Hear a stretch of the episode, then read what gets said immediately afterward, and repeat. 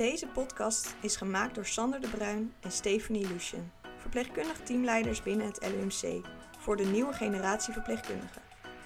Waarom heten we eigenlijk Nightingale Was, de podcast? Naast dat het gewoon heel lekker bekt, klopt het wel. Is het enige wat we doen wassen en zijn we in de zorg allemaal Florence Nightingales? Dat vragen we de verpleegkundige uit de praktijk.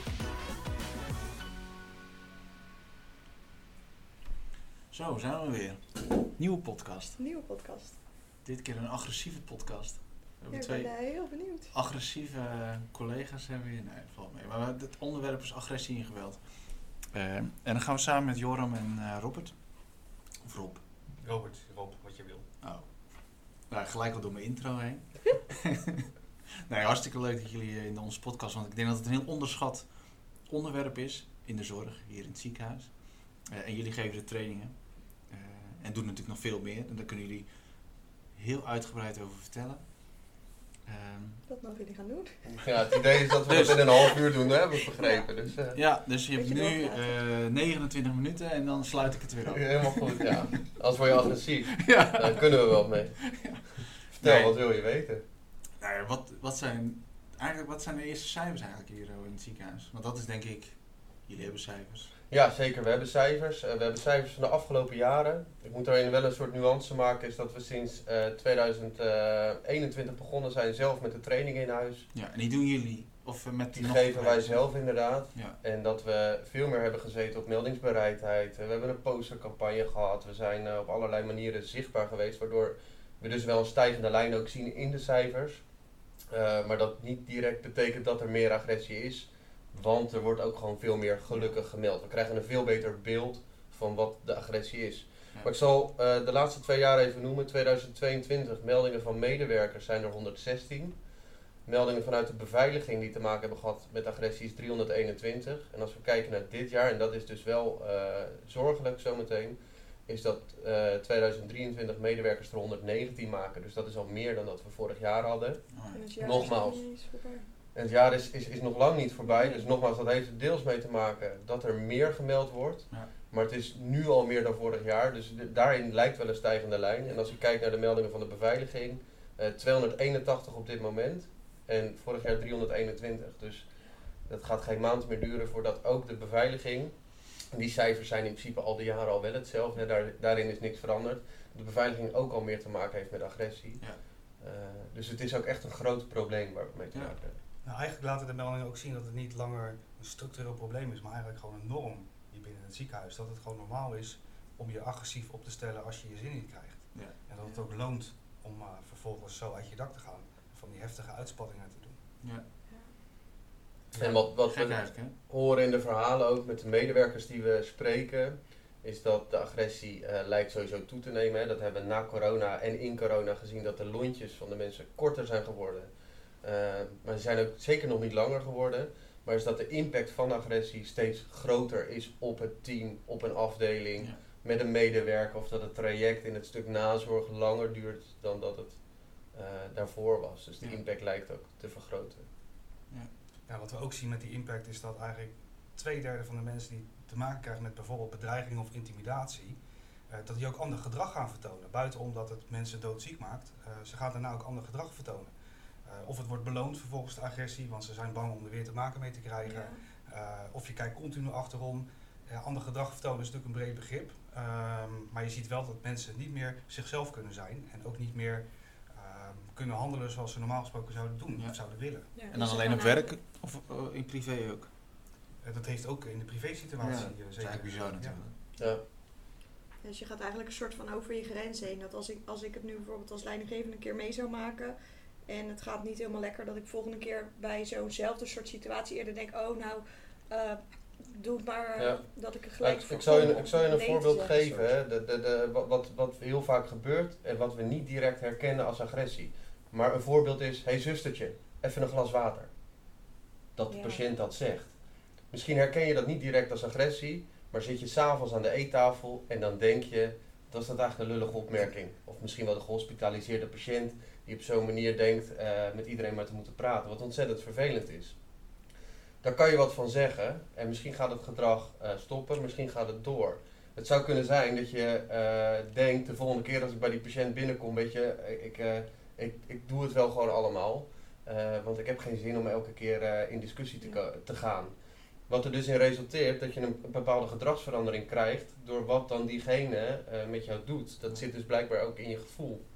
En ik denk dat het belangrijk is om daar goed bij stil te staan. En dat nemen we ook zeker mee in de training. Dus agressie is niet ehm, alleen maar die boze, schreeuwende man of vrouw op de afdeling die het ergens niet mee eens is.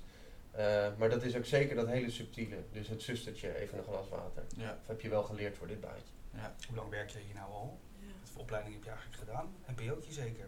Nou, dat soort opmerkingen, dat Ja. soort denigerende, subtiele opmerkingen die echt onder je huid gaan zitten, Ja. doet ook echt wel wat met mensen. Ja. Ja. En eigenlijk hoe vaak dat eigenlijk niet toen ik nog in de zorg stond. Dat is al heel veel jaren terug. Ja. En, Ja. eh, nee, maar hoe vaak je dat eigenlijk krijgt. En dan als man valt het nog soort van mee. Krijg je andere Ja. opmerkingen. Maar Ja, kan de vrouw waarom ben je geen dokter? Ja. Ja. Nou ja, of gewoon, eh, oh de dokter aan het bed. Nou ja, dan is het nog wel een soort van leuk. Ja. Ja, maar en, je en, krijgt wel eh, andere opmerkingen als een vrouw. Toevallig hadden we het net nog in de koffiepauze met eh, collega's erover. Eh, en dan ging het niet zozeer over agressie, maar over, meer over seksuele opmerkingen. ja. Die vallen ook wel een beetje deels hieronder natuurlijk. Nou, zeker weten. Afgelopen week kwam er nog een eh, melding van een verpleegkundige binnen. eh, en eh, van een servicemedewerker rondom bed. Waarbij het ging om seksuele intimidatie. Waarbij Ah, een patiënt constant opmerkingen heeft gemaakt naar de verpleegkundige. En eh, er zit een knoopje van je jas eh, open. En eh, draai anders maar een rondje. Je mag, je mag wel even een showtje voor me geven. En, ja, en dat bleef maar doorgaan. ja, en dat is natuurlijk uiteindelijk heel intimiderend als je daarmee te maken krijgt. ja, Is gelukkig adequaat gehandeld, waarbij de beveiliging betrokken is geweest en we een gele, gele kaart hebben uitgereikt. Misschien dat we daar zo nog wat over kunnen vertellen. ja. Ehm, eh, maar waardoor we wel kunnen gaan zorgen dat dit gedrag stopt, want het is niet normaal gedrag. Nou, ze, we- net in de koffiepauze konden zo vijf, zes mannelijke patiënten dit eh, dan eh, opnoemen gewoon van die doen het altijd. Ja. Eh, joh, je mag wel naast me zitten. Of, eh, oh, mijn infuusje zit niet lekker, kan je er even naar kijken? Oh, wat fijn dat je zo mijn mijn arm aanraakt, weet je wat? Het zijn Ja. natuurlijk een beetje raar. Er zijn ook collega's, ja, bij die patiënt wil ik gewoon niet meer zijn. Nee. Eh, het is natuurlijk wel eh, confronterend. Ja. hè. Zeker, ja. Wat we ook vaak merken uit de trainingen is dat de verpleegkundige vaak een bepaalde schroom voelt hè, om er vervolgens wat van te zeggen. Oh, mag ik dan een grens stellen? Want ja, ze zijn vaak bang om dan vervolgens iemand kwijt te raken bijvoorbeeld. Ja, Uh, dus ja, dan zeggen we er maar niks op en dan laten we het maar gewoon doorgaan. Ja. En als we gedrag door laten gaan, hè, dan Dan blijft het. Dan blijft Ja. het. Ja, dan staan we de verheustering staan we toe. Hè. ja. Ja, nee, ik had pas toevallig, nou, er zit hier tegenover mij ook een patiëntenkamer. En een collega van mij die loopt naar binnen, want de patiënt die wilde graag eerder weg. Die zei, nee, de afspraak is kwart over twaalf. En dan kreeg ze als opmerking terug, oh, loop je thuis ook met een zweepje rond? Nou, Ja, ja. ja, die collega die was dan wel wat meer mondig, dus die zei gelijk van, ja, weet je, dit eh een beetje te ver, eh meneer. Ja. Eh, dit accepteer ik niet. Ja. En, maar en er zijn genoeg collega's die gelijk denken van, maar god, wat gebeurt hier? Of eh, eh, die zeggen niks, of die klappen dicht. maar je moet nagaan, hè. we hebben allemaal een emmertje. En eh, we beginnen misschien de dag na een slechte nacht eh, Ja. op, op de werkvloer. En door dit soort opmerkingen, door de omgang met elkaar, loopt dat emmertje, dat gaat gewoon vullen. Ja. En eh, we vergroten dat emmertje uiteindelijk nog een keer. Maar het- en er zit op een gegeven moment gewoon, loopt het emmertje over. En dan zit de collega thuis. En dat, dat zeggen we altijd, hè. Een incident kan heel heftig zijn geweest. Kan een reden zijn waardoor iemand thuis komt te zitten. Maar het kan ook juist die opeenstapeling van zijn. En weten dat je morgen weer op de vloer staat. En dat je misschien weer op kamer 11 staat ingedeeld. Waar die familie of waar die patiënt is. Waar je toch al, al niet, niet fijn naar binnen gaat. Waar je op je Ja. tenen loopt. Ja, en dat, dat doet wat met je. En dan neem je het ook mee naar huis uiteindelijk. Ja. ja. Want jullie bieden ook die eh, opleidingen, die cursussen natuurlijk hier aan, die trainingen zeg maar, eh, zijn ook verplicht hier in huis, wat natuurlijk gewoon hartstikke goed is. Eh, Ja, wat houden die trainingen een beetje in? Ehm, nou, we, we bieden eigenlijk hele dagen trainingen aan. Dus die, eh, die starten dan om, eh, om 9 uur tot 4 uur. Daar zit een stukje interculturele communicatie bij. Dus hoe ga je nou om, eh, hoe word je nou cultuursensitief hè, naar je patiënt toe? Als we kijken naar de cijfers ook, dan zitten we nu op 1 vierde eh, van de bevolking heeft een migratieachtergrond. Mm. Dat gaat richting 1 derde in 2030. Eh, dus we zijn eigenlijk genoodzaakt om daar ook wat mee te moeten. Ja. Want eh, dat kan ook weer leiden tot agressie. Hè? Als we elkaar niet begrijpen en we hebben bepaalde verwachtingen en die komen dan niet uit. Eh, dus dat is een onderdeel ervan. Eh, vervolgens gaan we eventjes kort in op het beleid. Welk beleid heeft de LUMC nou en wat kan het beleid voor jou doen? Wat betekent het beleid nou precies? Wat houdt het in? Daar, daar zoomen we even kort op in, want we vinden het ook belangrijk dat bijvoorbeeld het stukje melden en de, de beveiliging erbij te betrekken. Er moet geen drempel zijn om de beveiliging op te bellen als je te maken hebt met agressie. Dat moet gewoon heel laagdrempelig moet dat kunnen. Eh, dus daar zoomen we ook eventjes op in. Ehm, en ja, en dan zitten we alweer tegen de middag. En dan het middaggedeelte staat echt volledig in het teken van agressie. Eh, wat is agressie nou? Hoe bouwt agressie zich nou op? En wat kan je er zelf ook aan doen als, eh, als verpleegkundige? Hoe kan ik nou weer de regie terugpakken op het moment dat ik te maken krijg met agressie? Ja. En dat doen we aan de hand van casussen, aan de hand van meldingen die wij zelf kennen van, van de afdelingen. Ehm, ja, en we zien gewoon dat dat praktijk oefenen, dat werkt gewoon. Dat blijft heel goed hangen bij de mensen. Ehm, dus wij vinden het ook heel belangrijk dat het middaggedeelte dat we gewoon heel veel kunnen oefenen. We willen eigenlijk ook wegblijven bij het woord rollenspel, want rollenspel dat doen we niet. Wij zetten bepaald gedrag neer als trainingsacteur. En vervolgens eh, mag de deelnemer, de verpleegkundige, die mag volledig zichzelf zijn. eh, en die moet daar gewoon op kunnen reageren. Ja. En ehm, je kan op ons, we zeggen altijd, we zijn een soort levend oefenmateriaal. Hè? Je kan op ons alles uitproberen. Probeer eh, alsjeblieft wat werkt wel en wat werkt niet. Zodat eh, de deelnemer ook het gevoel krijgt, oké, volgende keer als ik te maken krijg met zo'n situatie, dan kan ik het beste dit doen. Want eh, de humor die ik nu inbreng, dat werkt gewoon niet. Bij wijze van spreken, ik noem maar, ik noem maar iets. Ja, dus dat is eigenlijk onze training. En daarnaast bieden we ook nog wat klinische lessen aan. Dat zijn meestal uurtjes, twee uurtjes. eh, waar we op afdelingen komen en geven we daar een korte presentatie over Ja. ja, wat is agressie en wat doet het LUMC nou voor jou als werknemer om jou te beschermen tegen agressie. Ja. En wat moet je nou doen als je te maken krijgt met agressie. Dus die praktische handvatten, zeg maar. Ja, ja, die hebben wij dan laatst in de scholing gehad. Toch? Ja. Dat was echt wel heel leuk. Ja. En dan hebben we hele goede feedback ook van, van jullie Ja. gehad. Ja, nou, en, en het mooier is het zelfs dan nog inderdaad om het in de praktijk eens te gaan doen met de trainingsacteur. Want dan is het in een veilige eh, omgeving het simuleren ervan. Dat zorgt ervoor dat het toch een bepaalde routine wordt, dat het erin zit en dat je dat in de praktijk ook kan gaan toetsen. Ja. Maar ook eh, dat je aan het eind van die dag, we, we, we beginnen wel eens de dag en dan horen we eh, het voorstelrondje met artsen en verpleegkundigen. Ja, hoeveel hebben jullie te maken met agressie? En dan, eh nou, het valt eigenlijk wel mee. En eh, een paar, twee maanden geleden een keer wat meegemaakt. En het verloop van de dag, hoe verder we komen, hoe meer we dat oh ja moment horen. Jeetje, dit had ik gisteren nog. Of, Ja. Dus we, we, we zien niet eens meer wat agressie is. Eh, we zijn het normaal ja, gaan het is vinden. een soort normaal. Ja. We hebben een ontzettend groot zorghart. Eh, en, en daarbij laten we de agressie maar komen. Terwijl we daar juist een halt moeten roepen. Want we zeggen altijd emotie mag, maar agressie niet. Nee. Dat is ook niet je werk. Daar, dat hoeft niet. Daar kunnen we wat mee. Daar moeten we wat mee. Dus Ja. eh, trek daar ook die grens. Je mag boos zijn, eh, je mag kritiek hebben op, eh, op, op, een, eh, op, op een behandeling, op de organisatie, noem het maar op. Ja. Maar die hele heftige uitspattingen, eh, nee, dat, dat, vinden, dat, dat moet echt stoppen. Dat kan niet. Ja. En daarom is het ook belangrijk dat we met z'n allen daar een grens in gaan, gaan stellen. Ehm, zodat we die norm weer kunnen herstellen. Zodat we met z'n allen ook eh, van hoog tot laag weten, oké, dit is niet meer normaal. We kunnen hier niet meer van wegkijken. Hier moeten we wat mee. Ja. Wat, wat goed is om erbij te vertellen, hè, een, een training is heel leuk, maar een training op zichzelf eh, doet niet zo heel veel als het beleid niet goed op orde is. Hè? Dus dat de organisatie eh, daar niet achter staat.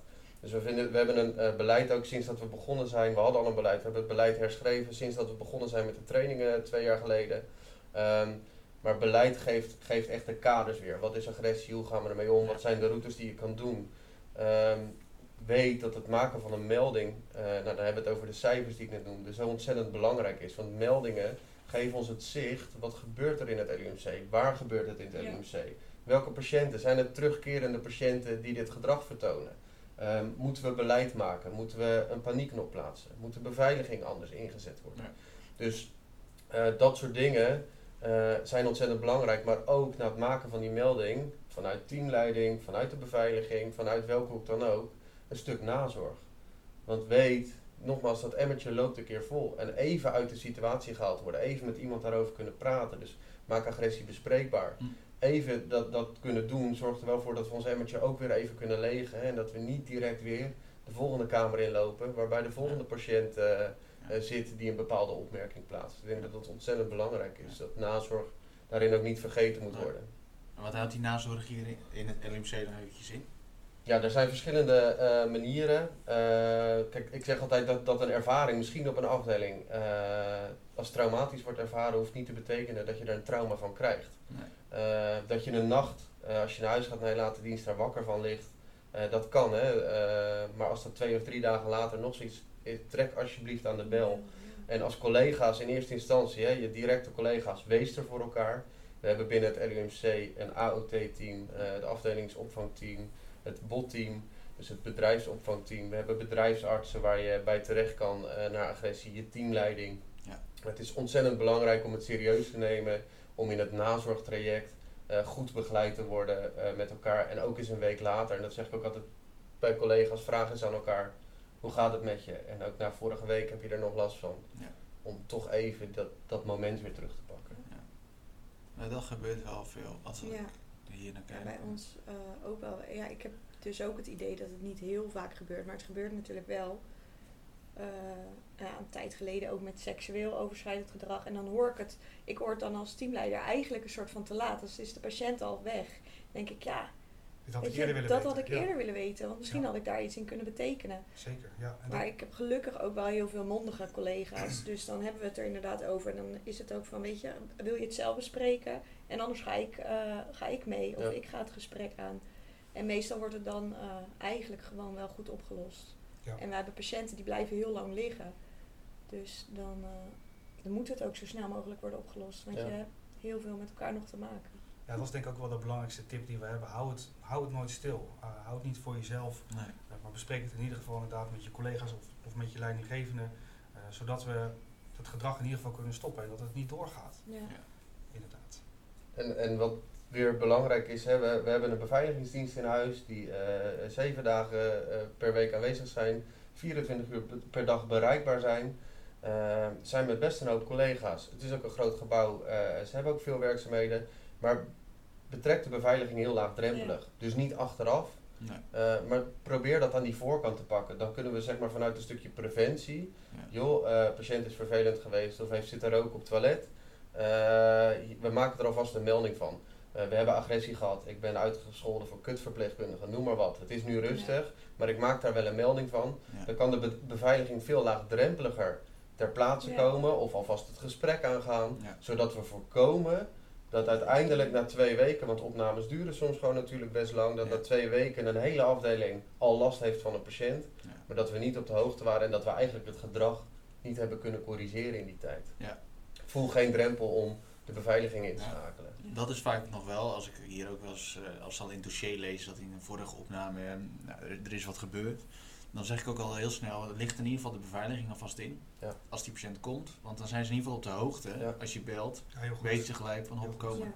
En toch heel vaak hoor je nog van, ja, de beveiliging, dat is wel, dat is wel gelijk, wel gelijk... Uh, die bel je pas als het helemaal uh, escaleert. Nou, dan moet de patiënt wel bovenop me liggen, zeg maar, uh, voordat ik de beveiliging bel. Ja, dan ben je te laat eigenlijk.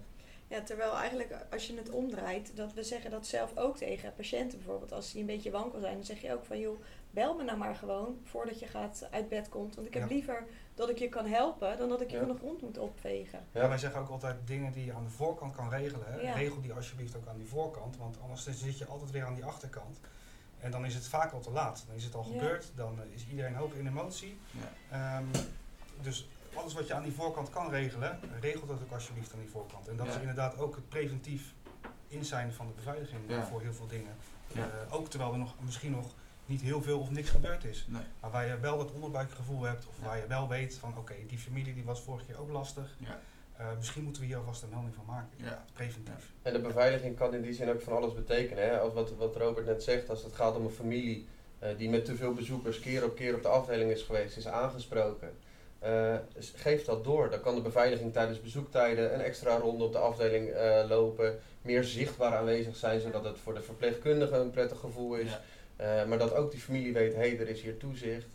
Uh, na, na een agressiegeval op een afdeling, we horen ook wel eens, weet je, als je een late dienst hebt gehad en je moet naar de parkeergarage om 11 uur s'avonds en je auto staat misschien wel op 8 of 9, het is donker.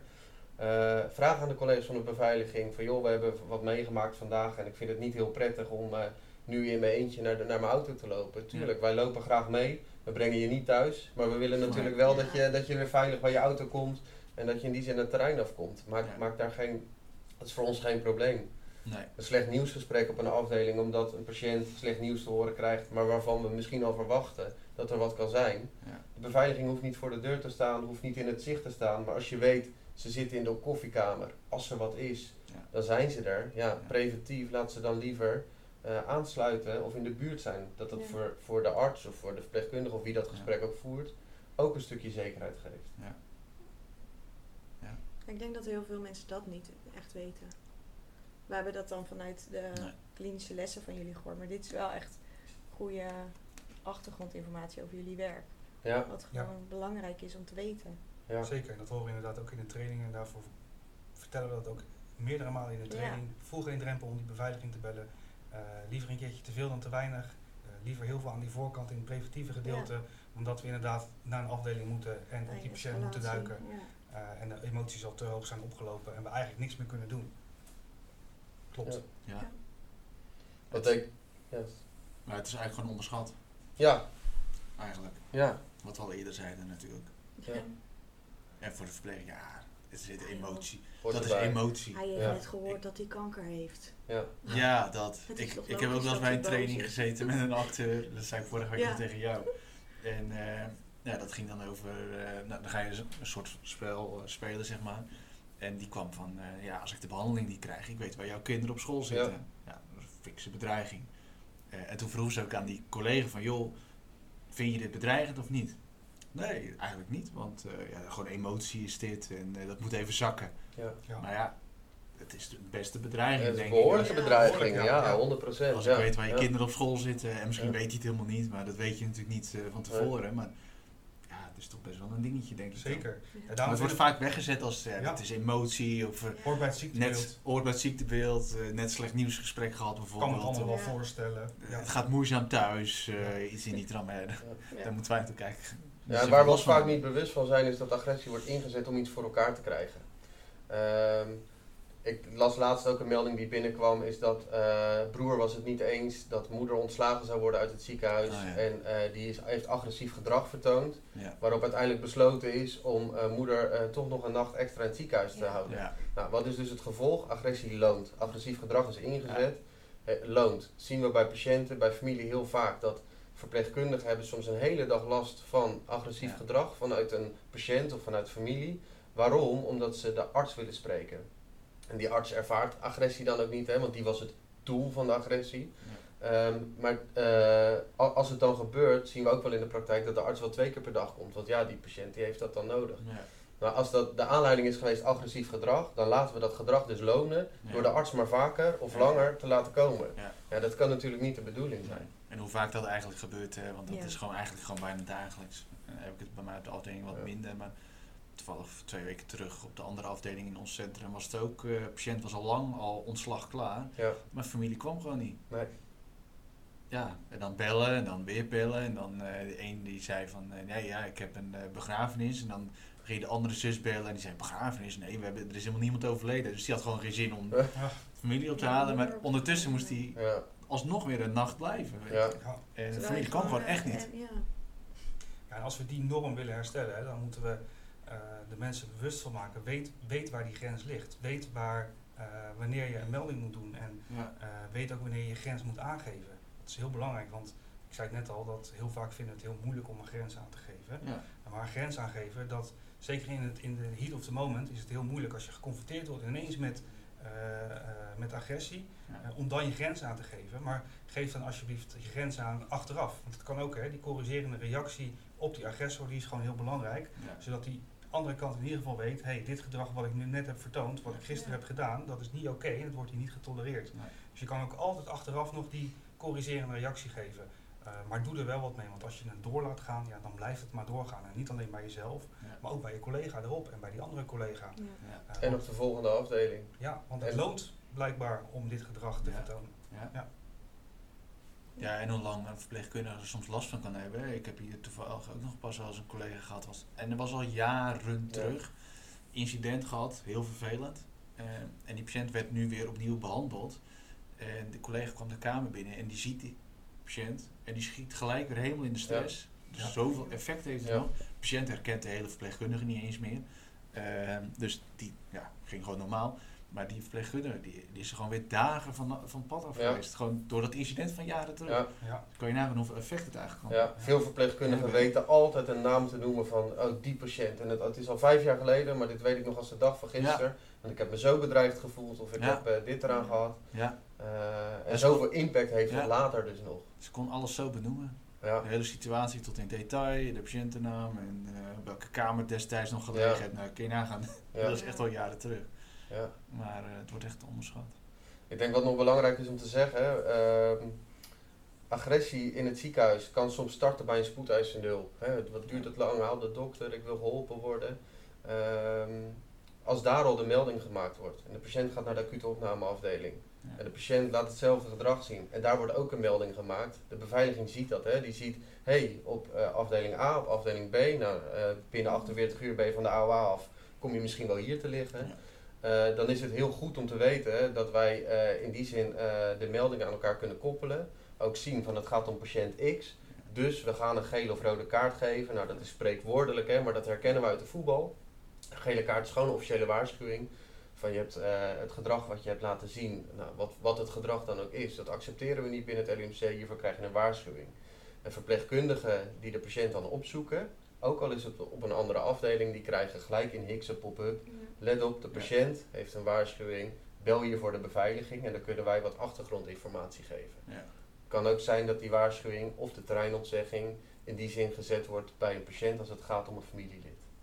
Dat je de patiënt opzoekt dat er staat, let op, de relatie heeft een waarschuwing of een ontzegging, bel je voor de beveiliging. Want daarmee kunnen we natuurlijk blijven controleren, hey, iemand die een treinontzegging zou hebben gehad, om welke reden dan ook, dat is een jaar geldig, eh, die is weer in het ziekenhuis of die is nu op een afdeling en daar kunnen we gelijk eh, afspraken weer mee maken. Ja.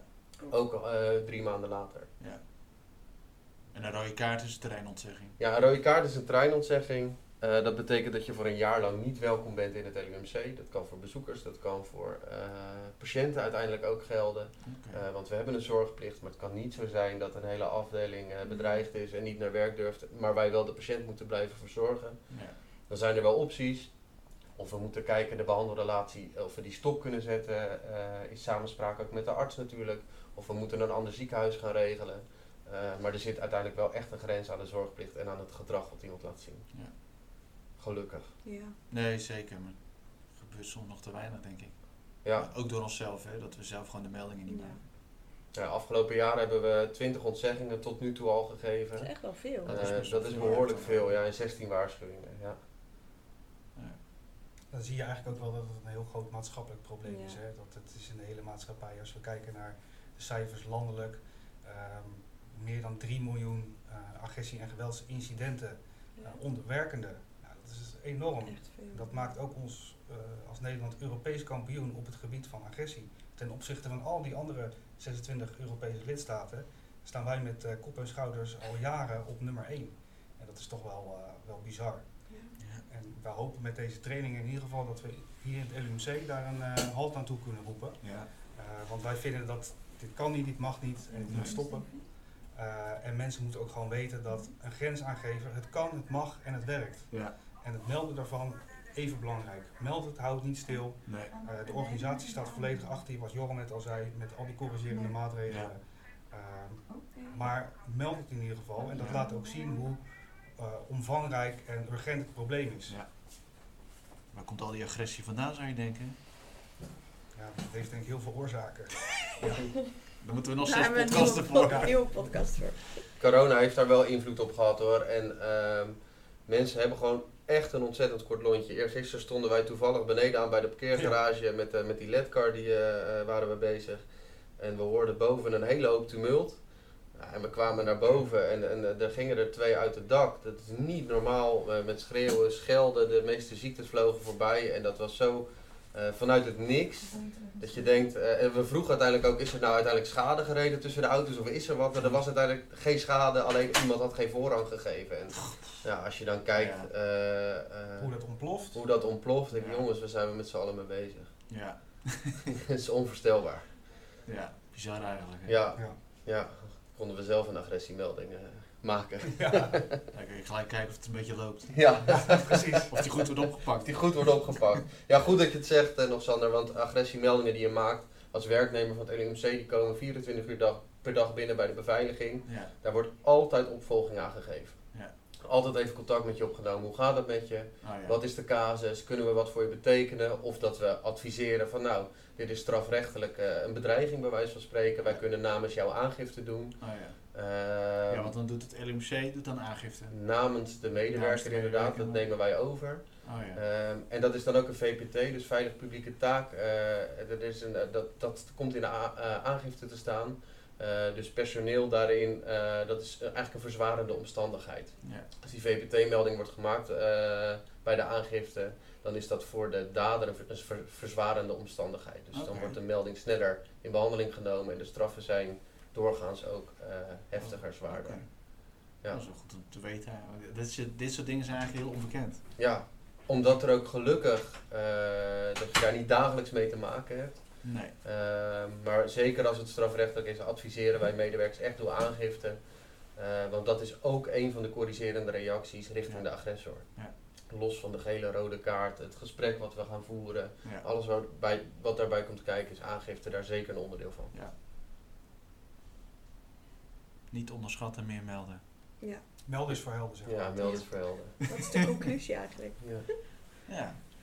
Nou, we zitten eh, richting het einde. Hadden jullie nog meer willen vertellen eigenlijk? Want dat was natuurlijk... eh, Ja, wij dachten dat deze podcast zes uur zou duren en Oh, dat ja, hebben we ja, voorbereid. Dus eh, nee hoor, nee. Ik denk dat, dat we een mooie samenvatting hebben gegeven van wat echt de highlights zijn Ja. en wat echt ontzettend Ja. belangrijk is. En eh, zeker voor het personeel eh, in het LUMC, volg onze training, vraag een presentatie aan, vraag een workshop aan, alles wat er is. ja. Eh, stel alle vragen die er zijn, maak meldingen, maak agressie bespreekbaar. Houd nooit stil, houd nooit voor jezelf, inderdaad. En Probeer eh, toch zelf die regie terug te pakken door die grenzen te stellen en door te melden. Ja. En vraag hulp aan ons Ja. en aan de Maar ik denk dat je dat ook mooie voorbeelden eigenlijk gewoon dat de kleine dingen, dat, daar zit het allemaal in. Ja, En dat wordt normaal gevonden. ja. Ja. Maar dat is niet. Dat is niet normaal. Nee hè? Nee. Nee, dat blijkt. Ja. Oké. Sluit jij hem een Ja, keer ik, af? z- een keer. ik vond het heel leuk om eh, jullie eh, verhaal te horen. En ik denk dat we gewoon de volgende keer eh, We kunnen er nog eentje nog maken. eentje, ja. Kunnen we Kunnen we gewoon nog eentje door. doen? Ja, we kunnen eh, gewoon door, deel Ja. 2. Zeker. Dit was deel Met 1. vragen van luisteraars. Ja, kijk, dat kunnen we wel doen. Oh, dat is wel leuk. Ja. Als ze komen. Als Als ze het Nee, komen. het is wel een keer leuk denk ik, om nog een keer later dit jaar misschien Ja. nog een keer een aflevering te maken met andere voorbeelden. Ja. Eh, want de voorbeelden zijn legio, maar we weten het gewoon soms niet. Ja. Ja, leuk. Dan, dan maken we er wat moois van. Wat interactiefs. En dan eh, Ja. met vragen. Dank jullie wel dat we hier mochten zijn. eh. ja, jullie bedankt. Ja, Ja. Graag gedaan. En dan eh, tot deel 2. ja. Zeker, Tot deel helemaal twee. goed. Bedankt voor het luisteren van deze aflevering. Hopelijk hebben jullie een andere kant kunnen laten belichten van het prachtige vak verpleegkundige. Illustratie is gemaakt door Maurits van Rossum. De podcast is geëdit door Marlijn Fransen. We zien jullie graag tot de volgende aflevering.